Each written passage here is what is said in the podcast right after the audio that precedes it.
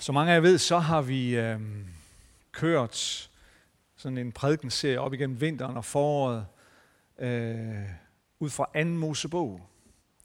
Og øh, den runder vi så af, har vi sådan langsomt rundet af ved at, at slutte af med at se på dekalon, på de 10 bud.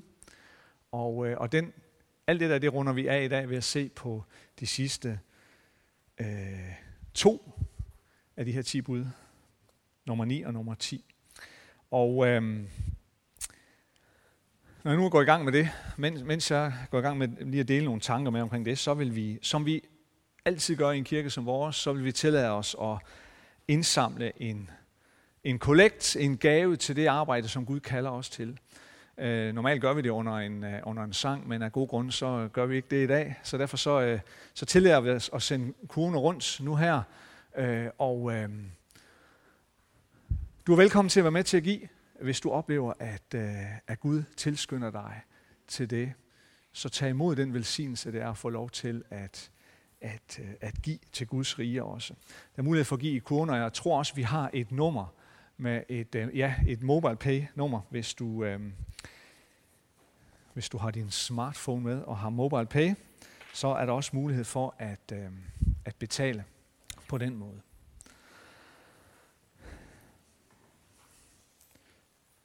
Som sagt, så slutter vi nu her, øh, afrunder vi med vores gennemgang af de 10 bud.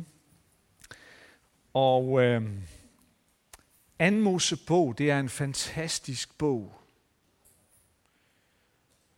Og en fantastisk beskrivelse af, hvordan Gud frelser og udfrier, befrier og genopretter. Og det er jo det, som Gud hele tiden er i færd med. Ikke bare dengang, men også i dag. Det er Gud hele tiden i gang med i forhold til sin skabning. Han er hele tiden, han er hele tiden i gang med at, at, at, at, at frelse, at udfri og befri og genoprette. Indtil den dag, hvor Gud har lovet os, at Kristus kommer tilbage til denne jord, og hvor alt ultimativt set skal blive totalt genoprettet.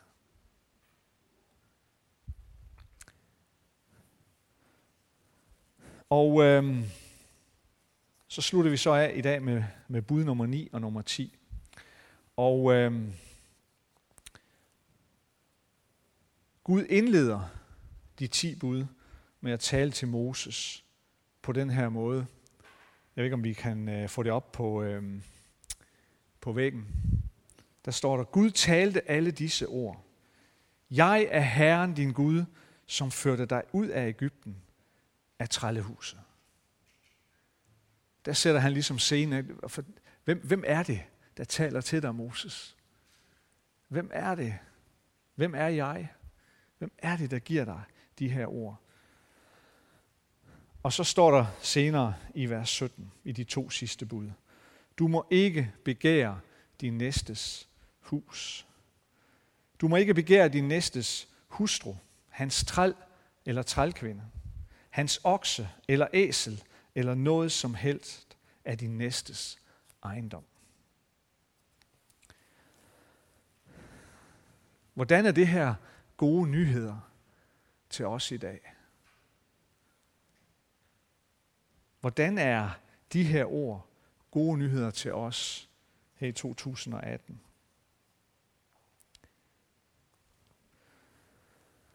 Situationen er i hvert fald den, at vi mennesker har i høj grad brug for genoprettelse. Det har vi haft lige siden, det har menneskeheden haft lige siden 1. Mosebog kapitel 3, og det vi kan læse om der. Det der tales om, som nævnes som et som et fald, som et, som et syndefald, som et brud. Fordi lige siden den her forfærdelige dag i paradisets have, hvor mennesket handlede i direkte modstrid med Guds skabelsesorden. Lige siden den dag, der har vores liv, der har vores prioriteringer, ja, alt det, som alt det, der egentlig skulle være smukt og rigtigt i vores liv. Det har siden den dag haft en alvorlig tendens til at blive fordrejet, forkvaklet, forskruet, ødelagt. Lige siden den dag, så har, så har, vi, så har vi haft en iboende kraft i os, som selvom vi også har en længsel efter at bygge op og skabe og gøre noget, der er smukt og godt og ædelt, så har vi lige siden, haft, lige siden den dag haft en iboende kraft i os, der står i, der står i modsætning til det. En iboende kraft i os, som så let får os til at, at ødelægge, eller at, at rive ned, i stedet for at bygge op.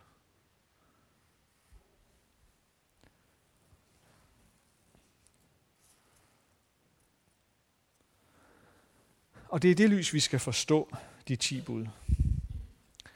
Fordi de ti bud er ikke skrevet til alle mennesker. Selvom vi også kan finde noget generelt og noget universelt i de ti bud.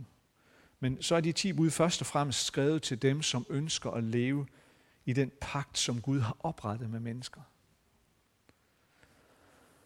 De ti bud er først og fremmest skrevet og givet til dem, som vil leve i hans kald og leve i efterfølgelsen af ham. Til dem har Gud givet de ti bud. Som en hjælp til at beskytte. Som en hjælp til at beskytte friheden i pakten. Så vores fald og vores brudhed ikke skal ødelægge livet og friheden i pakten. Så hvad er det egentlig Gud siger til sit pagtsfolk i de her to sidste bud? Ja, det er i hvert fald tale om en advarsel. Gud giver os en advarsel, så vi ikke skal synke ned i et fangenskab af begær. Det er en hjælp, og det er en advarsel. Og at vi ikke synker ned i et begær, og ned i, i, i, i et fangenskab af det begær, som vil som vil fortære os, og som vil tilintetgøre os. For det ønsker Gud nemlig ikke skal ske med os. Men hvad var det egentlig, der skete den her forfærdelige dag i paradisets have? Hvilken konsekvens har det fået for os i relation til, til det emne, vi, vi, vi taler om her i dag? Ja, når vi læser de første par kapitler i Bibelen. Og rigtig, rigtig mange andre steder op igennem vores Bibel. Så kan vi se, at vi mennesker er skabt til at have og til at leve i en nær kærligheds, dyb kærlighedsrelation med Gud. Vi er skabt til at leve i en stærk, ja, man kan måske næsten sige, voldsom og lidenskabelig kærlighedsrelation med Gud. Det er det, vi er skabt til. Det er det, der har været Guds ønske med os fra starten. Det er, hele, det er en del af hele fundamentet for vores tilværelse. Men oprøret i paradisets have, det gjorde noget. Det oprør, det betød et brud med det her. Med det, der var Guds oprindelige ønske. Mennesket frasagde sig det ønske fra Gud. Mennesket sagde nej tak til at indgå i den her dybe og nære kærlighedsrelation med Gud.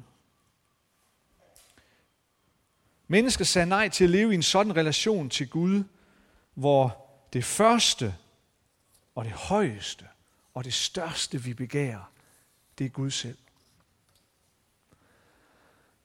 Det sagde mennesket nej tak til. Men så er det jo sådan, at begæret som sådan, det at kunne begære noget, det forsvandt ikke af den grund. For det at kunne og ville begære noget, længes efter noget, Det er på en eller anden måde et, et grundvilkår, som Gud har givet os. Det er som grundvilkår ikke forkert. Problemet er bare, at begæret, i, i og med det her oprør, der skete, så har begæret blevet totalt fordrejet. Det er blevet, det er blevet forkvaklet. Det er blevet ødelagt. Og så bliver det forkert. Så er det, der sker det, at begæret pludselig bliver syndigt. Kan blive syndigt.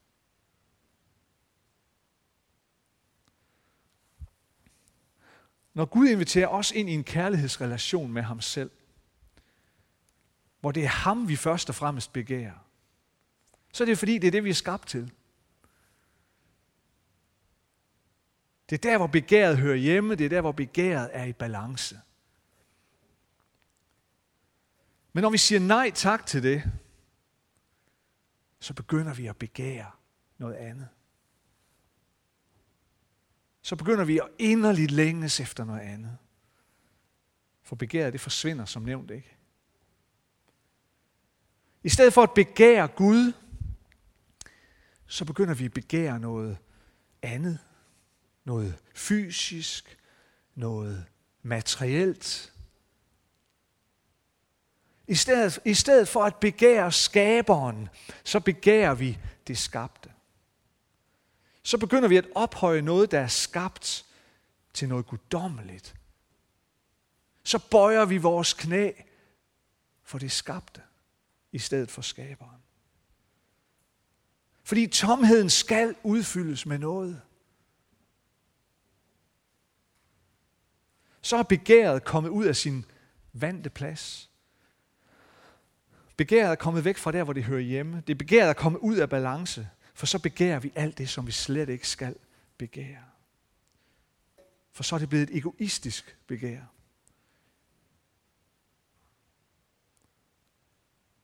så bliver det et ødelæggende begær, som så let kan blive skadeligt for os selv og ikke mindst for andre mennesker. Jeg tror, det er det lys, vi skal se, det som Gud siger til os i de her to bud. Det er det, der sker, når kærligheden til Gud, når begæret efter Gud og Gud alene ikke længere fylder os. Det er det, der sker, når kærligheden til Gud er blevet adskilt fra begæret. Og de to ting ikke længere har noget med hinanden at gøre. Så er det, at vi kan mærke, at begæret kan være en næsten utæmmelig kraft. En kraft, vi, vi, vi har svært ved at tæmme. Som er så stærk, vi ikke længere kan styre den eller kontrollere den. Når det ikke længere er Guds kærlighed, der helt deles og fuldt ud, der styrer mine længsler og mit begær, men, men i bedste fald kun delvist, så er der noget andet, der styrer det. Så er der noget andet, der former det. Og det kan være farligt. For det er ikke det, vi er skabt til. Så er det, at vores begær tager sig helt andre udtryk. Et af de udtryk, som, som, som begær, der har, der har løsrevet sig fra Guds kærlighed, kan tage, det, det, det, er, det er for eksempel et begreb som misundelse. Der er nogen, der siger sådan, at misundelse, det er sådan en, det, det, det er sådan en dansk specialitet. Øhm, der er nogen, der siger, at det er sådan en slags nationalsport. Øh, og det ved jeg ikke, om, om, om det er sådan. Men jeg tror i hvert fald, der er noget, der er noget her, vi bør være opmærksomme på. Uanset hvor dansk eller udansk det så måtte være, så er misundelse et billede på, hvordan det fordrejede og forkvaklede og utæmmede begær kan tage sig ud, når det ikke længere er Guds kærlighed, der styrer og former begæret, men derimod vores egen egoisme, vores egen faldende natur. For så bliver vi fokuseret på, hvad det er, andre har. Så bliver vi fokuseret på, hvad det er, andre lykkes med. Og det er sådan set okay, men problemet er, at vi kan ikke længere glæde os sammen med det andet menneske. Vi kan ikke længere glæde os sammen med andre mennesker. Vi kan ikke længere glædes med andre mennesker over det, de har, eller det, de lykkes med. I stedet, så brænder der en ild ind i os. Der er et eller andet sted, så er der en fortærende ild, der hele tiden får mig til at ønske at få det, de har. Og det, som de lykkes med, det vil jeg også lykkes med, og helst endnu bedre. Og det er ikke ud fra sådan en positiv motivation om, at, at det ansporer mig positivt. Nej, på grund, af vores, på grund af vores misundelse, så er vi drevet ud fra et ønske om, at de må helst ikke få det der, fordi det vil jeg jo have. Et ønske om, at de andre helst skal mislykkes.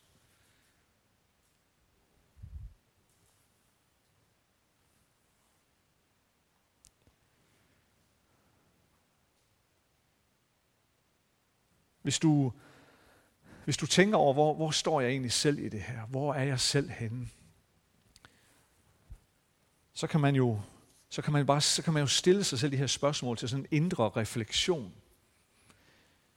Og det har vi nok alle sammen brug for at gøre en gang imellem.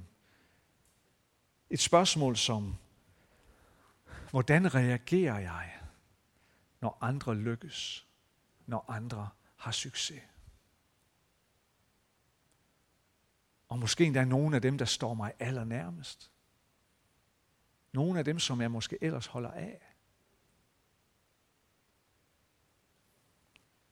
Hvordan reagerer jeg, når nogen opnår noget, jeg ikke selv kan opnå? Når nogen lykkes med noget, som jeg ikke selv kan lykkes med?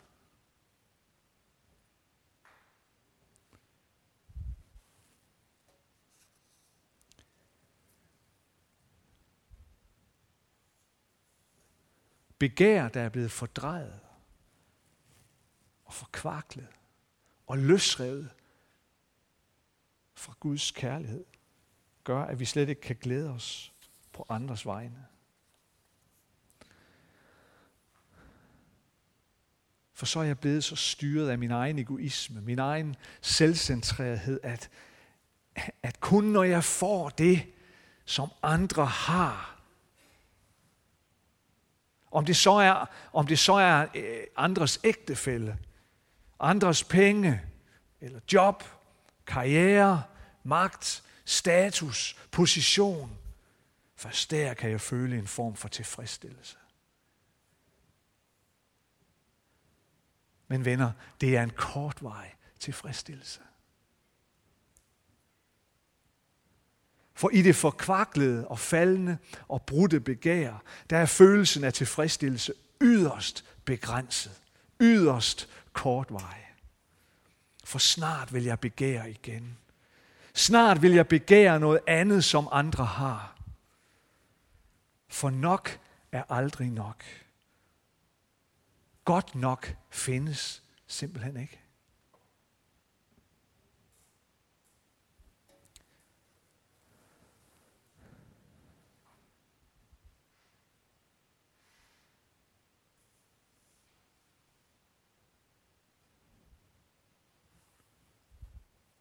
Et helt andet område. Et område som pornografi.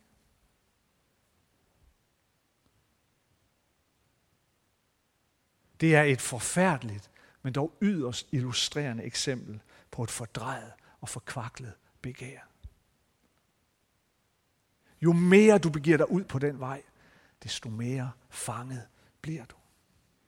Nok er aldrig nok. I morgen skal det være endnu mere.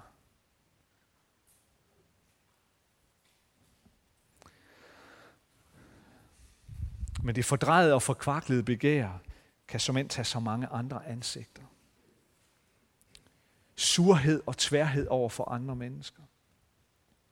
Gentagen kritik. bagtagelser, slader, nedladende tale om andre, mistro over for andre og deres motiver, osv. osv.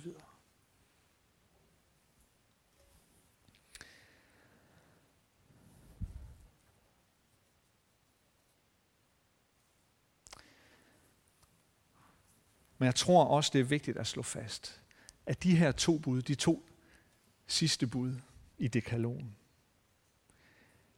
er slet ikke givet os for at fortælle os, at der er noget galt med længsler, begær, sanselighed som sådan. Slet ikke. Det har ellers desværre, kan man måske nok sige, gennem århundreder været kirkens forståelse, mange kristens forståelse og svar på de to sidste bud.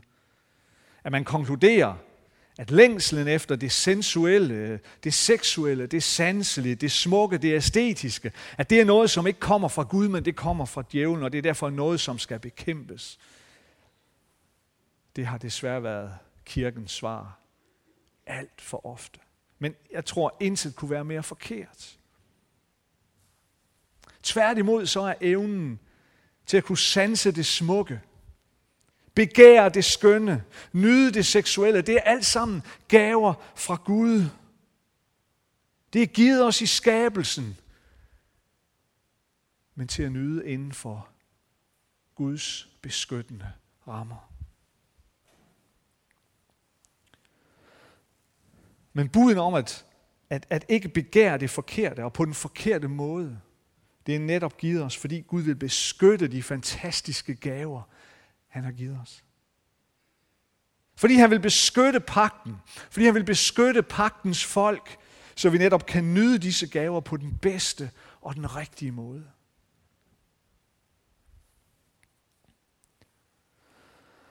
De gode nyheder i relation til de to sidste bud her, det er, at vi har en Gud, som er fyldt med kærlighed.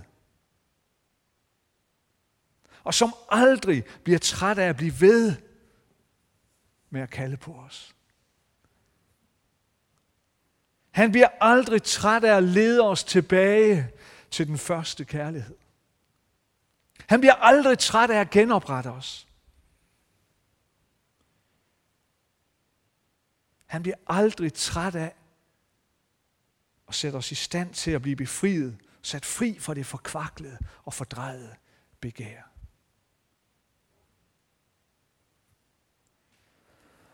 Så vi kan få det rette fokus i vores liv. Så vi kan få den rette balance i vores liv. Et liv, hvor Gud og Guds kærlighed er det totale omdrejningspunkt.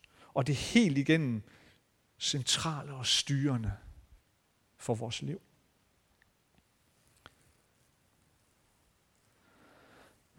Allermest så ser vi jo i Jesu liv, vi ser i Jesus Kristus allermest, hvordan Guds kærlighed, både hvordan Guds kærlighed til os mennesker ser ud i praksis. I hans liv i hans forsonende død på korset, i hans sejr over død og forbandelse og fortabelse ved den tomme grav påskemorgen. Der ser vi, hvordan Guds kærlighed ser ud til os, ser, ser ud for os i praksis. Men i Kristus, der ser vi også, hvordan et, et liv, som er totalt gennemsyret af Guds kærlighed, det kan se ud. I Kristus kan vi se, hvordan et liv ser ud, der hvor begæret ikke er fordrejet, ikke er forkvaklet, ikke er faldet, men hvor det altid er underlagt Guds nærvær og kærlighed. Det er derfor Gud har givet os Helligånden.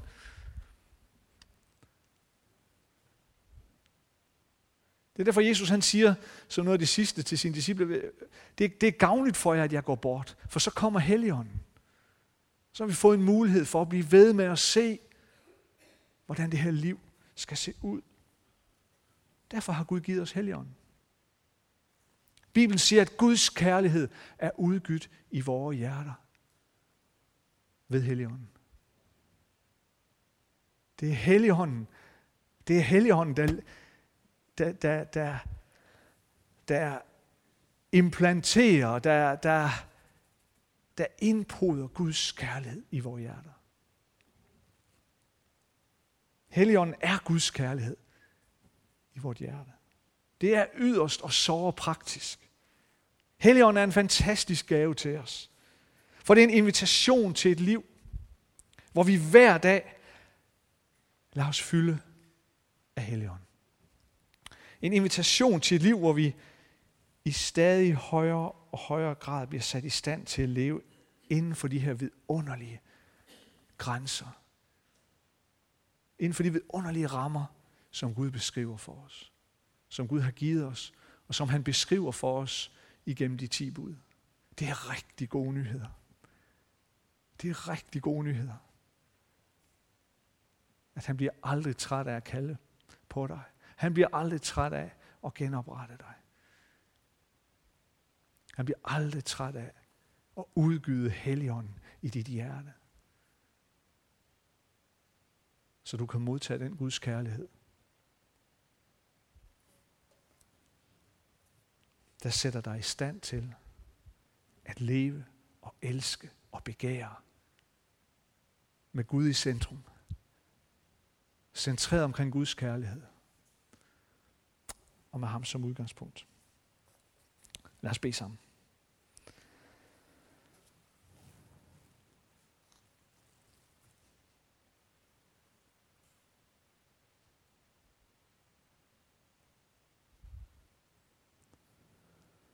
Kære Gud, tak fordi din kærlighed er udgivet i vores hjerter ved din hellige ånd.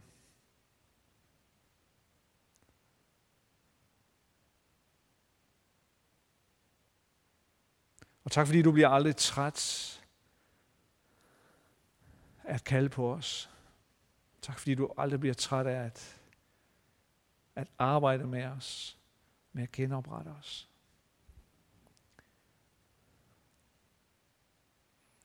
Himmelske Far, vi, vi bekender for dig, at, at for ofte af vores begær, vores længsler og vores sanselighed blevet fordrejet og forkvaklet.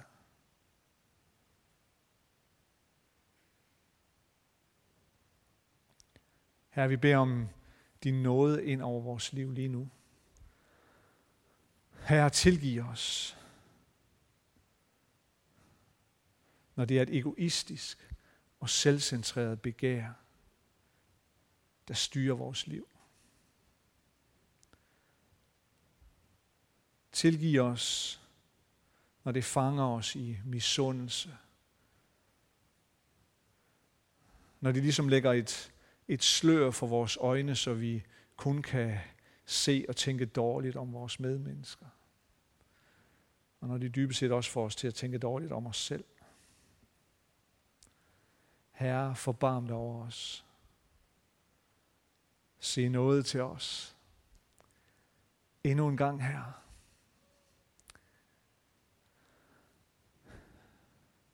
Vi beder dig, fyld os med din fred. Mød os med din tilgivelse. Mæt os med din nåde og din kraft til en ny dag. Til en ny tid.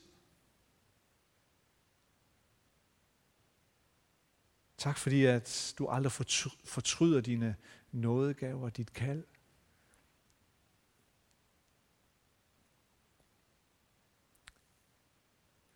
Tak, at du aldrig fortryder det, du engang har talt til os om. Det, du engang har udtalt over vores liv. Her rejser os op på ny. Mød os på ny. Kald os på ny og send os på ny. I din store nåde og barmhjertighed. Vi beder i Jesu navn. Amen. Amen.